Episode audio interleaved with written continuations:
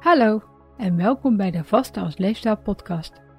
Mijn naam is Amanda Kortman, ik ben gewichtsconsulent en omdat er zoveel slechte informatie over vasten verspreid wordt, hoop ik het met deze podcast zo te verduidelijken dat voor iedereen kan werken. Je vast al wanneer je langer dan 12 uur niks neemt wat vaste stopt, dus is makkelijker dan je denkt. Welkom bij aflevering 3. In deze aflevering ga ik het hebben over de verschillende vastmethodes waarmee je van vasten je leefstijl kunt maken. Vasten kan namelijk op diverse manieren en wat voor de een werkt, hoeft voor de ander totaal niet te werken. Ik begin deze aflevering met de simpelste methode die ik urenvasten noem.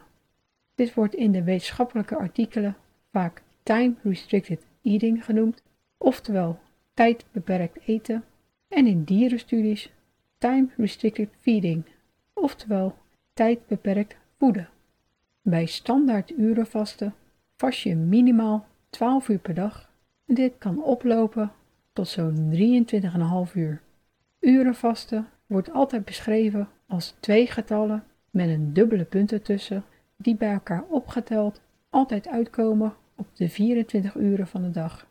Het eerste getal staat voor je vasttijd en het tweede getal voor je eettijd. Het bekendste schema is toch wel het 16-8 en hierbij vast je dus 16 uur en eet je binnen 8 uur. Je begint met het tellen van de uren op het moment dat je klaar bent met eten en niks meer neemt wat het vaste stopt. Bewaar dus ook de kruidentheetjes die velen na het eten nog graag nemen voor je eettijd en luister aflevering 2 nog een keer als je niet meer precies weet wat het vaste nog meer stopt. Het meest gebruikte schema voor het 16-8 ziet er als volgt uit. Je slaat je ontbijt over, dan lunch je om 12 uur s middags en na 8 uur s avonds neem je niks meer wat het vaste stopt. Stop je liever eerder met eten of ontbijt je graag? Eet dan bijvoorbeeld alleen tussen 10 uur s ochtends en 6 uur s avonds. Of ontbijt om 8 uur s ochtends en zorg ervoor dat je avondeten voor 4 uur middags op is. Voor urenvasten is het gebruik van een timer of vast-app vooral in het begin een handige manier om het bij te houden. Je kan natuurlijk ook gewoon met jezelf afspreken dat je bijvoorbeeld alleen tussen 12 en 8 eet en hier buiten verder niks neemt wat het vaste stopt. Hoeveel maaltijden je eet in de 8 uur beslis je zelf, maar de meeste gaan voor twee maaltijden en eten dan niks tussendoor. Dit noemen ze ook wel 2-MAD of T-MAD, wat uitgesproken wordt als TOMAD. En dit staat voor Two Meals a Day. Je kunt ook gaan voor drie maaltijden of twee maaltijden en een tussendoortje. Dit is geheel afhankelijk van je doel. Wil je afvallen? Dan zou ik het bij twee goede maaltijden houden, met een pauze van een uur of 6, 7 ertussen zodat de kans op overeten minimaal is. En je lichaam tussendoor geen extra insuline hoeft aan te maken. Ben je op gewicht? Dan zijn drie maaltijden of twee maaltijden en een tussendoortje of toetje een goede optie. Je hoeft trouwens de 8 uur niet vol te maken. Ik volg zelf het 18-6 en als ik bezig ben, dan vast ik regelmatig 20 uur en doe ik eigenlijk het 20-4. Verder eet ik afhankelijk van mijn agenda die dag, soms juist langer of korter dan 6 uur. En eindig ik bijvoorbeeld op het 18.7 of 19.4. Mijn streven is gewoon de 18 uur halen en de volgende dag duurt het gewoon een uurtje langer of korter voordat ik de 18 haal. Anderen focussen juist vooral op hun eettijd en eten bijvoorbeeld alleen binnen 5 uur tijd en kunnen de ene dag eindigen op het 17.5 en de andere op het 21.5. Je hoeft je op lange termijn dus echt niet krampachtig aan de uren te houden, zolang je jouw doel maar bereikt. De eerste maand is het aanhouden van een strikt schema natuurlijk wel aan te raden, zodat je er makkelijker een gewoonte van maakt. In de 4 tot 6 uur dat ik eet, neem ik trouwens twee maaltijden en een tussendoortje. Maar als het echt laat wordt, dan sla ik het tussendoortje over. Vanaf een uur of 21 vind ik het lastig om twee maaltijden te eten, aangezien er bij mij minimaal drie uur tussen moet zitten. En vasters die het 21-3 volgen, houd het dan ook alleen bij een tussendoortje en een maaltijd en soms nog een toetje. Dit noemen ze ook wel OMAD, oftewel OMAD. Dit staat voor One Meal a Day en betekent één maaltijd per dag. Er zijn echter ook vasters die in vijf uur tijd één echte maaltijd eten en een paar tussendoortjes nemen. Deze vorm van OMAD kan je zien als een drie of vier gangen menu in een restaurant. Ze starten dan bijvoorbeeld met een voorafje, eten hun hoofdmaaltijd en eindigen met een toetje. OMAD kan in principe tussen de 1 en 5 uur duren, maar ik zou voor de langere variant gaan, zodat je genoeg tijd hebt om voldoende te kunnen eten.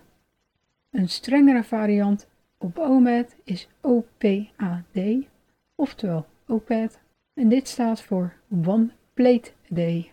En dit betekent één bord per dag. Dan eet je echt maar één bord vol binnen een half uurtje. Dit is natuurlijk hartstikke beperkt en dit zou ik op lange termijn niet dagelijks doen, omdat dan ook met goed vasten je stofwisseling verlaagt, doordat je te weinig eten binnenkrijgt. OMAD klinkt natuurlijk al beperkt, totdat je de tussendoortjes van velen ziet. Die zijn vaak vergelijkbaar met een hele maaltijd, dus het is maar net welke naam je je vastmethode wil geven. Een andere vastmethode die je kunt volgen is een lichte ADF, waarbij je 1 tot 3 dagen per week volledig vast en je als het 36-12 tot 42-6 kunt zien. ADF staat voor Alternate Day Fasting, oftewel om de dag vasten en het is de bedoeling om de 1 tot 3 vastdagen per week niet achter elkaar te doen, maar om vastdagen af te wisselen met normale dagen waarin je binnen 12 uur eet. Het voordeel van de vele ADF-schema's is dat je gewoon een volledige dag eten overslaat en je niet hoeft na te denken over de uren. Afhankelijk van hoeveel dagen per week je vast, noemen ze dit het 6-1, 5-2 of 4-3. Het eerste getal staat voor de dagen waarin je binnen 12 uur eet en het tweede getal staat voor de dagen waarin je niet eet of iets neemt wat het vaste stopt. Bij het 6-1 sla je dus één dag eten per week over en bij het 5-2 twee dagen. De dag erop is het super belangrijk dat je echt twee of drie maaltijden binnen 6 tot 12 uur tijd eet, zodat je stofwisseling niet verlangzaamt. De meeste eten op die dag zo'n 25% meer dan normaal, dus kijk niet raar op als je meer honger hebt. Het balans tussen genoeg en gezond eten is tenslotte even belangrijk als het vasten zelf en je moet er geen hongerdieet van maken. Je kan ook voor een echt ADF-schema gaan. Hierbij vast je om de dag en de ene week vast je dan op maandag, woensdag, vrijdag en zondag en de week erop op dinsdag, donderdag en zaterdag. Er is hier een mildere variant op en dat noemen ze MADF. Dit staat voor Modified Alternate Day Fasting, oftewel aangepast om de dag vasten. Hierbij eet je op de dag dat je anders volledig zou vasten binnen een half uur één kleine maaltijd van maximaal 500 calorieën en eet je de dag erop binnen 6 tot 12 uur twee of drie maaltijden. Het 6-1, 5-2 en 4-3 kunnen ook met één minimaaltijd van 500 calorieën op je vastdagen. MADF lijkt effectiever dan ADF, maar dit komt misschien doordat het voor velen makkelijker vol te houden is. Anderen zweren echter juist bij ADF doordat het zoveel simpeler is. Je kan natuurlijk ook uren vasten en ADF combineren. Zo zijn er genoeg vasters die het 6-1 met het 16-8 of 18-6 combineren. Ze vasten dan één dag volledig of kiezen voor een minimaaltijd en vasten op de overige dagen van de week 16 of 18 uur per dag. Of ze vasten één dag, eten de volgende dag 2 tot 3 maaltijden binnen 12 uur en gaan dan weer over op hun favoriete urenvaste schema. Het 4-3 combineren met het 16-8 of zelfs 14-10 in het weekend is ook een veelgebruikt schema, maar je kunt er natuurlijk alle kanten mee op gaan. Onthoud alleen dat je de dag na een ADF of MADF vastdag altijd twee of drie echte maaltijden eet in 6 tot 12 uur. Dit is goed voor je stofwisseling en zo voorkom je dat het verandert in een dieet. Vasten is tenslotte een leefstijl waarmee je haast vanzelf op een gezonde gewicht komt en hier ook makkelijk blijft. En diëten zijn op lange termijn niet vol te houden. De laatste vastmethode die ik benoem is dagenvasten.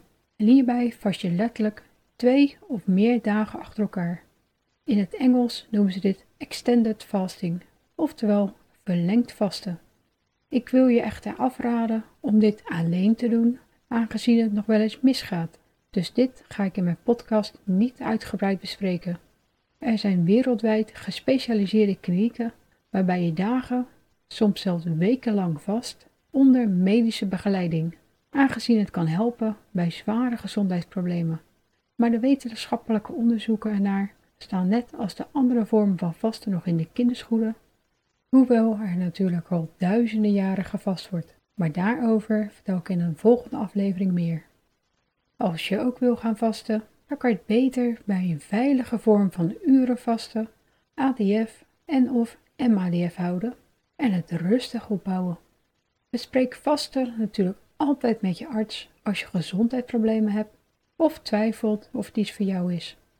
Hoe je met deze vastmethodes het beste kunt beginnen, bespreek ik uitgebreid in aflevering 6, maar in aflevering 4 ga ik het eerst hebben over de grootste voor- en nadelen van vasten en in aflevering 5 over wie er beter niet langer dan 14 uur kunnen vasten. Luister dan ook naar de afleveringen in de volgorde dat ik ze uitbreng, zodat je verstandig begint met vasten en er ook echt je leefstijl van kunt maken.